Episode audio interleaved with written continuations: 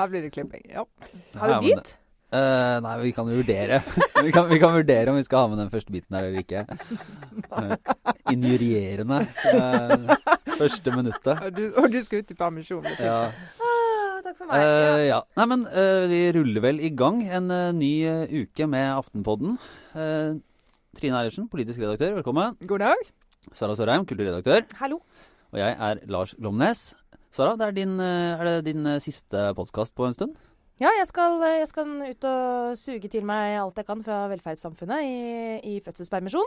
Fra og med i dag, faktisk. Mm. Så eh, det er så vidt jeg har fått plass her inne i det bitte lille studioet vårt. Men, eh, men, jeg er klar for en siste innsats. Eh, hvis jeg plutselig løper av gårde, så vet dere hva som er i ferd med å skje. Men eh, vi skal nok klare en halvtimes tid. Ja, er, Da er jo, kan si at omstendighetene har gitt deg en, eh, et smørgåsbord av, av muligheter i siste podkastuke på en stund. For nå har det jo virkelig skjedd enormt masse rart som vi vil snakke om. Ja, denne uka er jo helt eh, egentlig stappfull av gode Aftenpodden-temas. Ja. Både, både, både, seriøse og eh, tøysete. Så vi har hatt en ganske vanskelig runde nå før vi gikk i studio på hva vi egentlig skal snakke om. Mm. Fordi vi dytter vel eh, Vi dytter en del eh, litt eh, spalter og litt eh, ja, Vi får se om vi snakker om Høyres landsmøte. Det er mulig vi rett og slett dropper det fordi det ikke er spennende nok. Men det er mange, det er mange statsråder som har gjort uh, morsomme ting denne uka også. Men vi må jo starte med Panama Papers.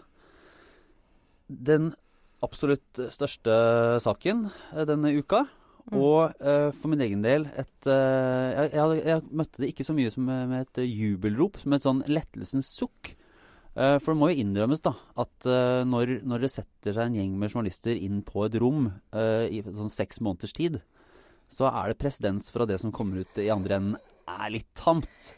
Altså, eh, Begrepet FIS i universet er dessverre ofte litt dekkende for sånne gigantiske graveprosjekter som eh, settes i gang. Trine, du har jo som veteranen blant oss her bivånet på nært hold en god del forsøk på å, å både velte regjeringer og ja, sette i gang med undersøkende journalistikk. Ja, det, det kan det. Ørkenvandring er jo et uh, stikkord her. Og her uh, skal vi si Altså, vi har jo Det var jo veldig få som har visst om dette. på Vi har visst om at det foregikk, men som har vært inne i, i substansen i det før de siste siste ukene.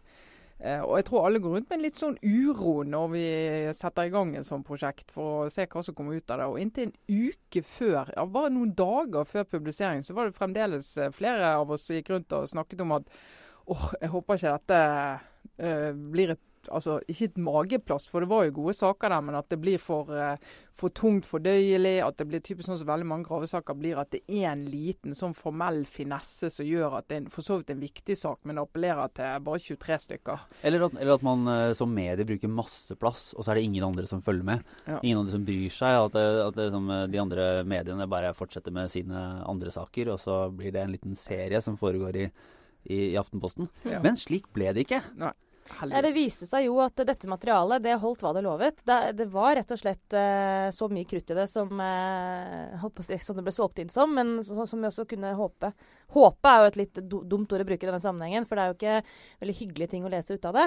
Men det er jo den følelsen av at vi endelig, uh, endelig driver med altså, man kan, man kan, leve lenge på eh, journalistiske seire som dette, fordi det føles som at det gir veldig mening å ha denne jobben. Eh, og så er det selvfølgelig også sånn at eh, vårt laug er jo ikke kjent for å være de mest ydmyke og forsiktige. Så vi kan vel egentlig bare allerede nå, folkens, advare våre kjære lyttere om at hvis vi syns det har blitt litt mye sånn Um, hva skal vi si, litt mange festtaler på journalistikkens vegne denne uken pga. denne saken. Så blir så, det verre. Så blir det verre. ja, for, for, til helgen er det jo faktisk eh, gravejournalistikkens eh, Hva skal vi si festivalsymposium, tror jeg vi må bruke det. Ja, den store Scoop-konferansen i Tønsberg. Og eh, da er det bare å, å, følge alle som har en, eh, en bekjent på Facebook eller andre sosiale medier fra pressen må bare forberede seg på en sånn overload av, eh, av eh, selvgratulasjoner og skryt. Det er helt frastøtende for alle som ikke er midt oppi det. Det er bare å erkjenne. Men eh, jeg skal nedover, da, så blir, jeg tipper det blir kjempegøy. Altså, Scoop er ekstremt morsomt for uh, de som er der. Det er jo også årets gøyalste fest. Og så blir det jo god stemning når alle er ekstremt selvfornøyde. Og et par år nå har det vært litt sånn følelse av at alle skal med også. Uh, I fjor tror jeg nesten alle redaksjoner fikk liksom hver, hver sin pris og hvert sitt diplom. Så det var rett og slett eh, helt eh, euforisk stemning. Problemet nå er jo sosiale medier. Eh, Det er jo et gode på mange måter, men det er også utvilsomt et onde. Fordi man får så godt innblikk i eh, diverse kanaler som tidligere var litt mer lukket. Akkurat Scoop-nachspielet særlig, det hadde hatt godt av å være sånn eh, internettfri sone. Men, eh, men for all del, ha det gøy, Lars. Gled dere. Men da er leseren, holdt jeg på å si, lytterne våre advart om at selvhevdingen og selvfornøydheten eh, kommer ikke til å bli mindre denne uka. Og jeg, jeg skal jo ikke dit, for jeg skal jo på Høyre-landsmøte, så var nå det sagt. Ja, og Der kommer det også til å være mye eh, selvgratulasjoner, eller er det Å ja, det, det tror Ja. du kan være helt sikker på. Men det- jeg kommer ikke til å være akkurat like deltakende som jeg kanskje ville vært eh, Men i det- Tønsberg. Det er jo ikke alle som har vært eh, like euforiske over denne journalistikken og denne lekkasjen, altså det som nå er kjent som Panama Papers. Det har jo også kommet litt kritikk av at eh, mediene, ikke bare her i Norge, men altså at de internasjonale mediene som har fått dette, ikke har håndtert det på en, eh, en god nok måte. Og det er jo da egentlig for så vidt eh, kan jo mistenke, for det er, det er særlig Wikileaks som har vært veldig kritiske til eh, hele denne håndteringen av, av lekkasjen kan man mistenke dem for å være litt sure for at ikke det var de som hadde den. Men hvis vi legger det til side, så har det jo vært ganske Det har vært prinsipielt interessant det de har kommet med de siste dagene. For de mener at, at dette burde legges ut til alle, sånn at uh, enhver uh, person på nettet kan gå inn og, og, et, altså, å sjekke dokumenter og søke opp og, og gå gjennom disse 11,5 millionene med, med dokumenter. Nei, og det, der er det jo Wikileaks eh, skiller seg fra ICIJ, som er dette internasjonale gravejournalistkonsortiet, om du vil, eh, som har jobbet med Panama Papers. Wikileaks er jo aktivister, mens eh, ICIJ er journalister. Og det er jo, selv om noen av og til tror det er det samme, så er det også forskjell på det. Eh, og bare for å, ta, for å ta det med åpenheten først. Eh, inni disse dokumentene så ligger det, det ligger pass, det ligger personopplysninger. Det ligger eh, innsikt om menneskers liv. Mennesker som aldri har søkt offentlighet, som ikke har noen rolle, som ikke har noe valgte verv. som ikke har gjort noe kriminelt. som ikke har gjort noe ulovlig. Men de er, dukker opp i disse papirene på en eller annen måte. Eh, og som journalister så driver vi med sånne avveininger hele tiden og velger hvem sin informasjon og hvilke type mennesker sin informasjon skal vi offentliggjøre. Vi har jo 220 navn fra, på norske kunder i, i skatteparadis. Eh, noen av de kommer vi aldri til å skrive noen ting om. De aller fleste av de kommer vi aldri til å skrive noen ting om. Det må være et kriterium før du forteller om, om uh, menneskers disposisjoner på den måten der. Og bl.a. det at du er politiker, at du har et valgt verv, at, du at det er DNB, uh, og at du jobber der, eh, og en del sånne ting, eh, er et sånt kriterium. Eh, Så der Wikileaks ville legge alt ut og bare si at eh, åpenhet er så viktig, transparens er så viktig at vi må sette alle personvernhensyn til siden, så sitter altså da pressen og gjør andre vurderinger hver eneste dag, også med dette materialet, Men som hvis er du skulle være, annerledes. være litt vrien, sier jeg hvorfor eh, Hvis ikke de har, de har ikke gjort noe ulovlig. Jeg sier ikke at de har gjort noe ulovlig heller. Du kan bare vise alle disse transaksjonene. Åpenheten er et gode. Hvis ikke det har, hvis ikke det har vært noe gærent, så, ja, så er du ikke anklaget for det heller. Det går inn i personverndiskusjonen, da. At eh, hvis du ikke har gjort noe ulovlig, og er en privatperson uten, og som Trine var inne på, som heller aldri har søkt offentlighet, så har du også en viss grad av beskyttelse rundt personlige opplysninger, personlig, eh, altså rett til beskyttelse rundt opplysninger av personlig art som, eh, som de ikke ønsker skal være en del av offentligheten. Eh, og det er jo en sånn Det er ikke en absolutt eh, Det er ikke en fasit på hvordan man skal behandle det. Men det er jo eh, i disse papirene en sånn glidende overgang mellom eh, det som faktisk er ulovlig, og det som er umoralsk. Og det er jo håper å si, dessverre ikke forbudt å være umoralsk. Eh, så for oss er det en vurdering. vi er glad det er ikke forbudt å være umoralsk, Sara. Ja, det hadde vært eh, Det Da hadde vi sittet i fengsel. Steike, det var slitsomt. Nei, men, men si, altså, det er jo f.eks. noen eh, utenlandske medier har brukt mye plass på en del rike mennesker som er skilt. Uh, og der er det en diskusjon om den ene parten har plassert penger i skatteparadis for å gjøre at den andre da ikke får tak i pengene til uh, den tidligere ektefellen. Uh, og på, på, noen kjendiser så går det på en måte rett inn i løpende kjendisdekning. Så det er sikkert en del som kan legitimere det med det. Men altså hvis det er andre mennesker, der, da, privatpersoner, som har en korrespondanse f.eks. som omhandler en skilsmisse eller andre personlige forhold, så ser ikke jeg at, at, vi uten videre skal si at det må være åpent for alle å gå inn i. For det gjør vi jo aldri ellers. Uh, og det å legge ved kopi av et pass f.eks. ut for hele verden, syns jeg òg er, er, ikke riktig å gjøre da, for enhver person. Og så en del sånn informasjon som du skal velge om du vil vise frem. Uh, og ikke, ikke, vi skal velge for dem, da. Men så langt har jo de sakene som har blitt eh, publisert, eh, vært eh, enkle å forsvare eh, i så måte når det gjelder det å faktisk offentliggjøre. Hvis du f.eks. er statsminister og har gått til valg på eh, å drive en kamp mot eh, skatteplanlegging og kapitalistisk rotterace, slik som tilfellet har vært på Island, og du unngår å opplyse om at du har et selskap på Seychellene i den størrelsesorden som det viste seg at, at det var, eller om det er kona, det er ikke så relevant i den sammenhengen. Poenget er at da kommer den liv og lære eh, liv og, prinsippet om liv og lære opp. Og, og da handler det om politikernes troverdighet og eh, hva velgere eh, faktisk har rett til å vite eller ikke. Mm. Det er en annen type vurdering. Og det gjelder jo selvfølgelig også hvis du er en statseid bank. Eh, som har vært ganske tydelig på eh, forpliktelser knytta opp mot nettopp denne tematikken. Så, eh, og du f.eks. heter Rune Bjerke og er direktør for den banken med den eh, politiske bakgrunnen som han har, som også er litt, litt relevant i denne sammenhengen. Mm. Så, så, er noe, da er, det, da er, spørsmålet litt annerledes. Og da er det også sånn at den virksomheten som DNB da har eh, hjulpet hvordan skal vi beskrive det, Trine? De rådene de har gitt kundene sine, at det ikke har vært uh, ute i offentligheten, og uh, at det faktisk bør frem, det er ikke en vanskelig ja, vurdering for altså, oss å gjøre. DNB har ikke, sånn som vi vet det nå i hvert fall, men det er også en diskusjon. Eh, de har ikke gjort noe ulovlig, eh, med mindre det viser seg at det er ulovlig å tilrettelegge for å gjøre noe ulovlig og bidra til det, altså medvirkning. Det, det kan bli en diskusjon. Eh, men de har lagt til rette for at andre kan gjøre noe ulovlig, altså unndra seg skatt. Og det er, det er sier jo Rune Bjerke og DNB sjøl, det er uetisk. Skulle vi aldri ha gjort.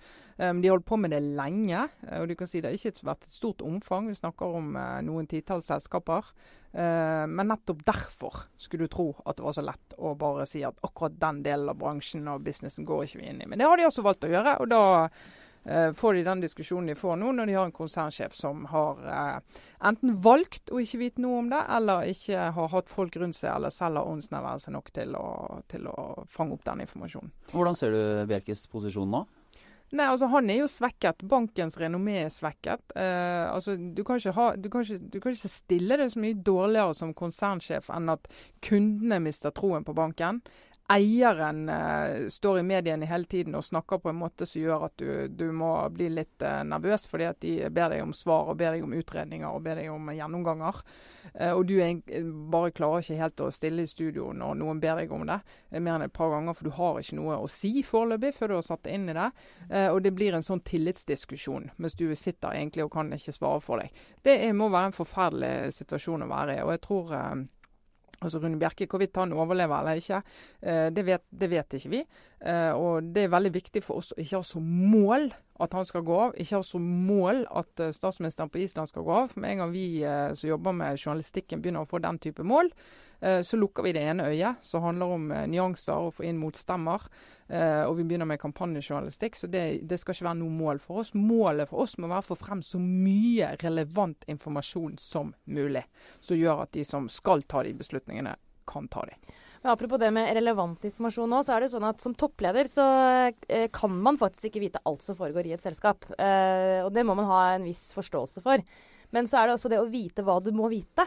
Og som en kompis av meg skrev på SMS til meg tidligere i dag Hvis, eh, hvis jeg hadde vært DNB-direktør og oppdaget at det var noe som het DNB Luxembourg, da ville jeg kanskje følt det litt som en amerikansk president som endelig liksom Yes, jeg får tilgang til de hemmelige JFK-dokumentene nede i kjelleren her i Det hvite hus.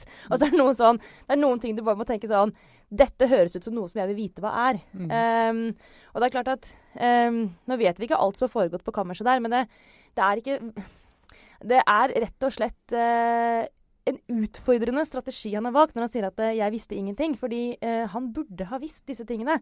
Akkurat det å sørge for at man ikke driver med da f.eks. skatteplanlegging i grenselandet, bør ha vært en eh, problemstilling for en bankdirektør. Særlig i lys av de siste årenes diskusjon rundt nettopp dette. Så av alle ting Bjerke skulle involvert seg i, så, så burde han faktisk ha bedt om å få disse opplysningene. Og så vil han kanskje synes det har vært dritt å få dem, da. Det kan jo hende. Da men, men, det har jo kommet en helt egen lekkasje om uh, Luxembourg, uh, Wikileaks, eller hva det, Luxleaks, eller hva det, hva det var nå det het den gangen, her, som handlet bl.a. om eh, finansnæringen i Luxembourg, og hvordan den, la, hvordan den la til rette for bl.a. skatteunndragelse og slusing av svarte penger og penger som hvitvasking av penger. Uh, og da, På den tiden der så hadde jo DNB et uh, selskap i Luxembourg. DNB Luxembourg. Uh, og altså, Man skal jo aldri vite hva som Man vet aldri hva som foregår i hodene på folk, eller hvordan de har tenkt. Men det fremstår jo som veldig rart at det ikke er et konsern som DNB da tenker ok, vi har en virksomhet der. Nå må vi forsikre oss om at den i hvert fall ikke driver med ting som gjør at vi kan gå i baret på, på et eller annet tidspunkt. Og ja, det har de ikke gjort. Nei. Men eh, hvor, eh, hvor, eh, Nå er det vel ingen av oss som sitter helt med fingeren på pulsen på alt det som er planlagt fremover. Det må i så fall være dere. Men det mange lurer på, er jo hva som skjer med disse norske navnene. Altså er det, I hvilken grad kommer det til å rulle og gå? Og, og er vi liksom i starten eller slutten av hele denne Panama Papers, eh, offentliggjøringen og avsløringene?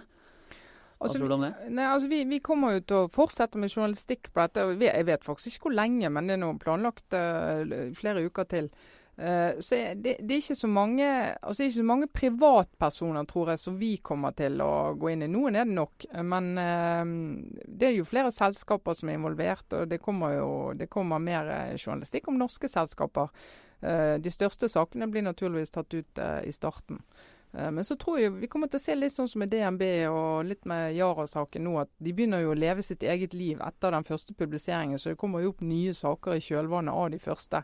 Eh, så det er umulig å si hva som blir den store saken om én uke eller to uker. For nå er dette blitt et svært uh, svært dyr, egentlig, som uh, går av seg sjøl. Og jeg syns det er fantastisk at andre medier går inn i de problemstillingene og får frem nye ting. Det er jo virkelig, det er jo definisjonen på gjennomslag, uh, egentlig. Ja, og det vi faktisk kan håpe på, er jo uh, Det er en reell mulighet nå for at disse skatteparadisene Panama er jo bare ett av, av, flere. At det faktisk får en konsekvens også internasjonalt. Det er en helt ny ting i journalistikken at vi samarbeider på den måten med kollegaer over hele, hele verden. Uh, og Det er helt nødvendig, fordi det er ikke bare i Norge at mediene har blitt svekka. Vi trenger eh, rett og slett de ressursene. Vi hadde ikke hatt sjanse til å gjøre det aleine. Men eh, det gir en sånn helt genuin glede, egentlig, over at jeg tror fortsatt det er mulig å lage journalistikk som endrer verden. Jeg, jeg har vokst opp med den generasjonen som på en måte bare mener Altså slagordet 'en annen verden er mulig' er liksom Nei, det er ikke det. jeg har alltid hatt litt problemer med den der virkelig å tro på at, at, det faktisk går an. Jeg har men, jo aldri trodd på det, men Nei, Trine, du er jo helt fortapt. For jeg er i skjæringspunktet mellom liksom, ironigenerasjonen og inderlighetsgenerasjonen. Så jeg er mye mer sånn bipolar i dette spørsmålet. Ja, jeg er jo ironigenerasjonen, og det kommer aldri ut av det. Nei, du er fortapt. Men jeg kjenner nå at jeg bikker over i sånn uh, Hva faen heller, kanskje en annen verden er mulig. Uh, unnskyld my French. Men, uh, men, det er nesten litt den følelsen av at nå kanskje det går an å gjøre noe med ja. dette fordømte problemet, som er at folk gjemmer bort penger som skulle gått til velferdssamfunnet over hele verden. Og, men, men det, og det er jo interessant, da, for hvis du virkelig løfter blikket og ser på avsløringene, så ser du de aller groveste avsløringene kommer jo fra land som si, vi sjelden sammenligner oss med. Uh, og det, det, er jo spennende å se om det kommer til å bety noe i Russland. Det, I Kina er jo, det er jo ingen som har lov å skrive om Panama Papers. og Når du leste saken i går, så skjønner du jo det. Du har innrømt at du har en litt dårlig posisjon hvis du har sånn Ingen skal skrive om dette. og bare ordet Panama er det ikke lov å bruke lenger. Du har altså ikke lov å nevne det. Og, altså, gå til Afrika og se på en del eh, afrikanske politikere, hvordan de dukker opp i, i dette materialet her. Så skulle du jo, hvis du var virkelig på den Vi kan forandre verden, skulle du tro at dette fikk folket til å reise seg mot eliten og virkelig ta tak, men det er jo eh, dette er jo samfunn der det, det ikke er så, så, lett, for å si det forsiktig, å gjøre. da. Men du kan jo håpe at det bidrar eh, til en diskusjon også der, som kan føre til et eller annet.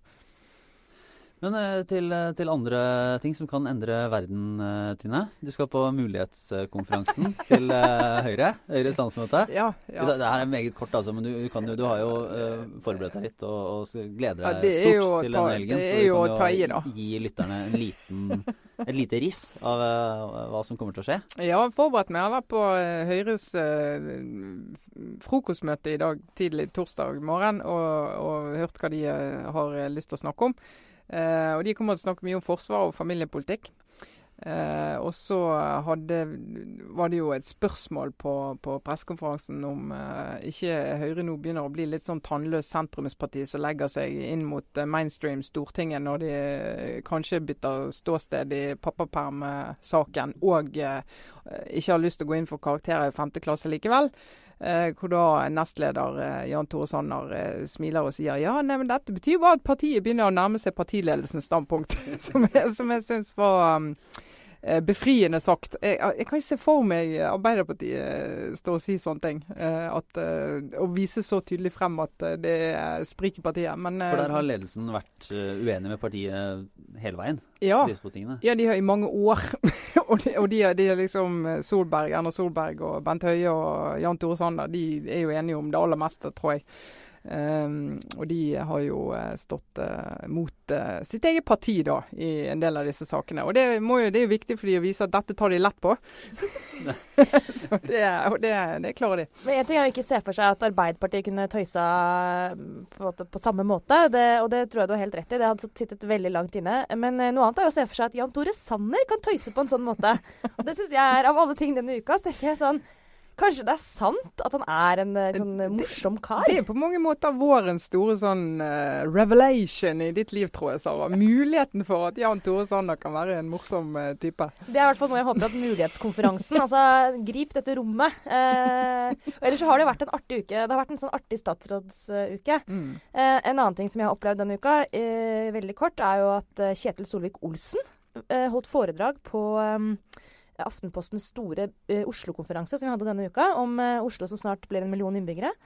Han snakket om biler. Han snakket så morsomt og framtidsretta og teknologioptimistisk om smarte biler og hvordan det kan endre byene våre.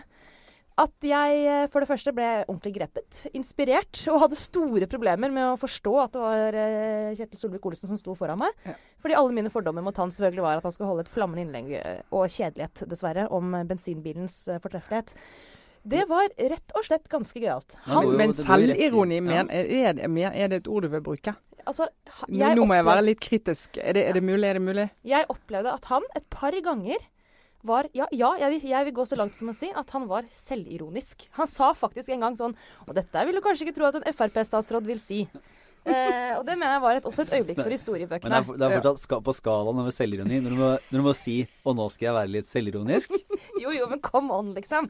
Jeg syns jeg har tatt et stort skritt eh, denne uka. Eh, ja. Ja, I tillegg så har jo Erna Solberg kjørt rundt i en sånn liten el-postbil.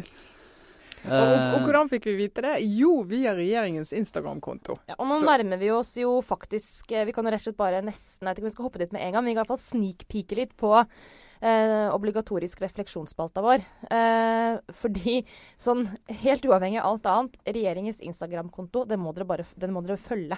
Det er et slags eh, Altså, jeg vet ikke, det er dit eh, PR og eh, rådgivning går for å dø når det gjelder hvordan du bør jobbe med omdømme.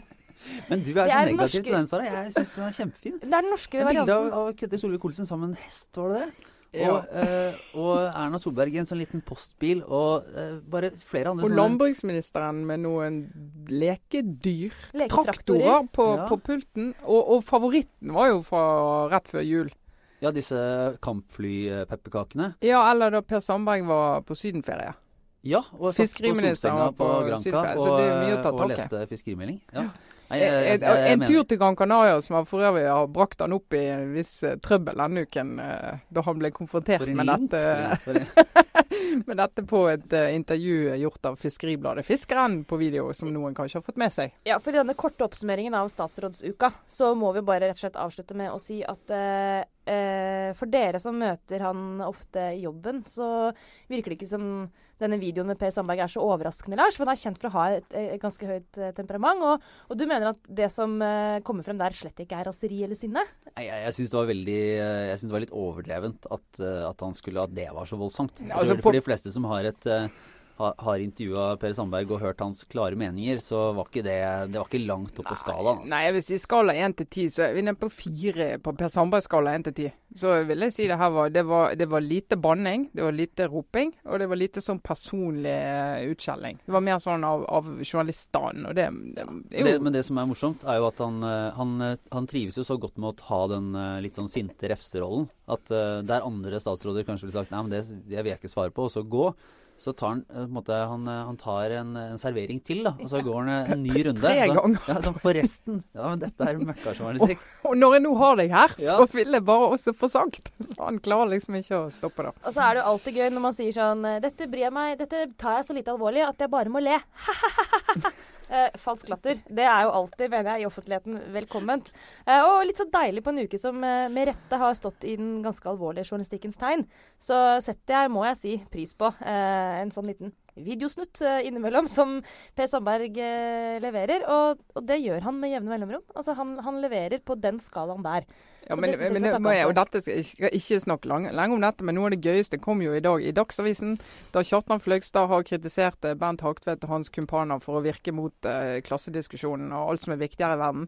Eh, svært utskjellende intervju eh, i eh, Dagsavisen. Bernt Hagtvedt eh, skal få tilsvar, for det skal man jo. Han sender en SMS der det står jeg regner Kjartan Fløgstad som en klovn i alle spørsmål som har med politikk og historie å gjøre. Punktum ferdig. Snap. Og det, vet du Jeg lo, jeg lo, i, jeg lo i 23 minutter av det. Jeg syns det var så gøy. Og det Trine, bringer jo også inn dette som vi har etterlyst litt i Aftenpodden, som er liksom evnen til å være perfid, eh, spissformulert og på grensen til slem i offentligheten. Eh, vi har hatt noen diskusjoner tidligere, bl.a. trukket inn en svensk professor som var helt nådeløs i sin slakt av den svenske statsministerens eh, evne til å snakke. Eh, altså ikke snakke. Eh, og jeg synes, eh, her syns jeg vi nærmer oss et så høyt nivå. Vi nærmer oss nesten Storbritannia i, i utskjelling. Ja. Dessuten så er det en professor som har formulert seg på 140 tegn. Det er i seg selv en sak. Ja. Så denne uka har, har, den har altså brakt oss så mye uh, at jeg er nesten så jeg tenker, det er nesten så det varer en hel mammaperm. Eh, ja, også jeg, jeg nekter å, å, la den slippe. fordi uh, det var jo en nyhet i Aftenposten i sin tid i høst at Raymond Johansen ville kalle sitt byråd for en byregjering. Ja. Mm. Og nå har de fått nei. Uh, satt foten ned. Og vi må ha en, en liten oppsummering av, av den saken her. Ja, liten. Altså, jeg, jeg, kan bare begynne med å si jeg har hatt problemer med å engasjere meg i den saken, i motsetning til svært mange andre. Uh, og det, For det første så, så syns jeg begrunnelsen til Raymond Johansen for å endre navn synes jeg egentlig er helt fornuftig. Uh, det er forvirrende med bystyre og byråder og alt. og dette, Jeg holdt jo på borte i Bergen i flere år med akkurat samme utfordringen. Uh, jeg vet ikke hvor mange ganger det var surr med byrådet og bystyret og byråden og ditt og datt. Uh, så jeg syns å liksom prøve å klare opp i den begrepsbruken er forbilledlig. Det andre er at, i hvert fall sånn som jeg har møtt Raymond Johansen og kjenner ham, så er han et av de minst pompøse menneskene jeg kjenner. Så når han blir beskyldt for å være pompøs og liksom har fått på seg maktens klær og sko og sånn, uh, jeg tror ikke på det.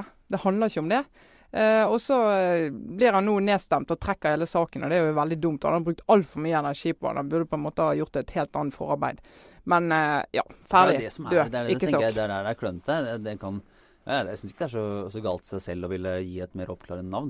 Men når man ikke får til å endre det i en enkel prosess, så blir det så, det blir så patetisk. Blir, ja, du blir liksom presset fra skanse til skanse, og alle dine motstandere koser, koser ræven av seg for hver gang du får et nederlag. Og det blir bare vondt å se på, så det var på tide å, å, la, å la, saken han, slutte å lide, men dø. Men han setter sikkert pris på å få sånn støtte fra deg nå, Trine, nå som det er for sent. ja. Men jeg var, som sagt, jeg klarte ikke å engasjere meg i den saken. Eh, og så må noen si det burde du ha gjort, men det var en del andre ting. ja. Men uh, er vi rett og slett der at vi går inn i uh, ukens uh, obligatoriske refleksjon? Ja, vi har jo ikke noe valg. vi har ikke noe valg. Sara Sørheim, du, Nei, skal, du, skal, du skal reflektere nå så lenge, du. Jeg skal late som jeg skal reflektere, men eh, alle vet at eh, det blir det ikke tid til i det hele tatt. Jeg skal, egentlig, jeg skal ikke tenke på ti måneder, sannsynligvis. Eh, men, eh, men nå, frem til jeg eh, sitter her med, som tobarnsmor, så skal jeg tenke faktisk litt eh, på Jeg skal faktisk tenke litt på hvor takknemlig jeg er for å kunne gå inn i nettopp det jeg skal nå. Denne permisjonen. Hvor en ting er at staten eh, gir meg altså vanvittig service. Eh, jeg, jeg er så positivt eh, Jeg er nærmest sjokkert over hvor bra helsevesenet fungerer for oss gravide. Eh, nesten i overkant tett fulgt opp. Og så har jeg jo en arbeidsgiver, som vi alle har, som uh, i tillegg til det jeg får av staten, betaler også eh, resten av lønna mi.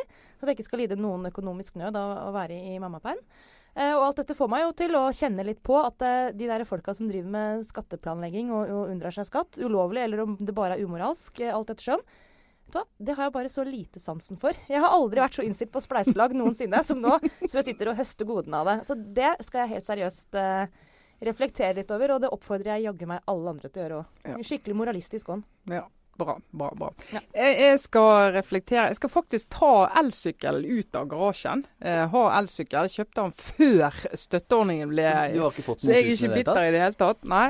Eh, og så skal jeg tenke på den eh, elstøtteordningen som noen, eh, Gunnar Stavrum og et par andre, har, har eh, klart å søke på og fått. Eh, som er en Altså, ja, ikke, jeg støtter Raymond eh, Johansen i byregjeringssaken, men dette her er, det er vås. Det er tull og tøys.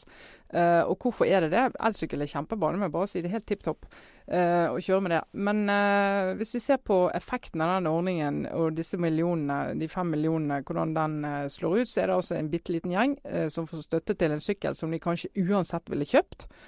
Eh, og fremdeles har bil. Mange av de har fremdeles bil, så de kommer til å bruke litt sånn hipp som happ med den sykkelen. Hvis du virkelig skal ha effekt, så må du gjøre det som du har gjort på uh, uh, som støtteordning til de som f.eks. skal bytte ut oljefyren sin i Oslo. Er Den støtteordningen har jeg nemlig benyttet meg av. Og Det som skjer da, det er at du, eh, vi borer etter eh, jordvarme. Eh, kjempedyrt, mange hundre tusen kroner. Og så får vi noen titusener i støtte. De dekker ikke hele regningen, og det skal de heller ikke. Men det er akkurat det som liksom bidrar til å vippe oss over i å ta en beslutning der vi tar en permanent endring. Og tar vekk hele olje, oljefyren og CO2-utslippet vårt, og bytter det med, med klimavennlig varme. Og da syns jeg ordningen funker, fordi at han tar vekk en en mulighet eller en risiko for oss til å drive med CO2-utslipp. Mens denne sykkelordningen, det er altså symbolpolitikk av aller verste sort. Du mener at du burde, burde gitt, uh, gitt 50 000 for å vrake bilen? Ja, faktisk. Ja, heller det, faktisk. Fordi at, eh, og heller å vrake da en, eh, en uh, utslippstung bil enn å drive med sånn klatting som dette. Og jeg tror, og det er litt sånn min gode kollega Ola Storeng sier det, at når du ser jo flere tiltak som står på en liste, eh, jo mindre effektivt blir det til slutt. Og dette er litt sånn eksempel på det. altså. Jo flere bitte små tiltak. Og det der med at alle bekker små blir en å. Du må dundre til. Kan ikke drive med den klattingen. En annen verden det er ikke mulig, med andre ord. Ja, så nå er jeg egentlig ferdig reflektert på den saken. Ja, jeg. ja, det var ikke Jeg, jeg får får avslutte med en, eh, en eh, hjertens eh, anbefaling. Jeg har, eh, Siden jeg nå går i og jobber turnus, så har jeg en uke med fri. Eh, Og da gjør jeg som klisjeen tilsier. Eh, Da har jeg vært og spilt litt golf. Og dette er en aktivitet som Sara har Jobber ikke i Aftenposten for ingenting. Nei, nei. nei altså, Null eh, jeg har null sympati. forståelse Ja. og sympati, rett og slett. Eh, og det er noe så, men jeg, jeg begynte med dette i, i voksen alder. Uh, men det jeg skal anbefale nå, er en fantastisk dokumentar på Netflix som heter The Short Game. Uh, som rett og slett alle bør se, enten man er et snev av interessert eller ikke. For den handler om det som er det mer eller mindre offisielle VM for barn i golf. Og det følger altså en fem, seks, syv og åtteåringer som eh, spiller golf, særlig fra forskjellige land, da, men møtes til en turnering i USA. Og det er eh, helt vidunderlig. Eh, både skremmende og feel good. Og eh, mer enn det handler om golf, handler det kanskje om eh, foreldre. For det er jo sånn da at disse barna har jo foreldrene sine som caddier, altså som følger dem rundt på banen.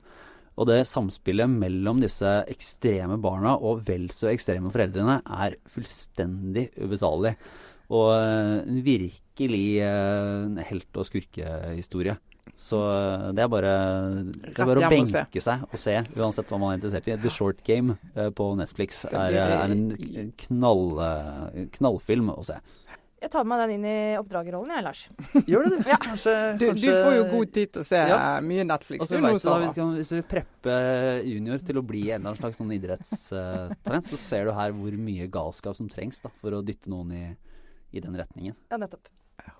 Jeg skal reflektere litt over det også. Og så eh, er jo også lytterne våre advart om at det kan bli mer barnegråt i Aftenpodden-studio eh, etter hvert. Og så håper vi jo å hanke det inn innimellom når det blir eh, for stille i heimen. Og bare komme inn og ja, reflektere litt sammen med oss, Sara. Ja, men Komme med noen perspektiver utenfra, da, fra den virkelige verden. Ja, altså, jeg, jeg skal vurdere det. Med det så takker vi for oss for denne gang. Sara Sørheim, Trine Eilertsen og jeg, Lars Glomnes. Ha det bra. thank you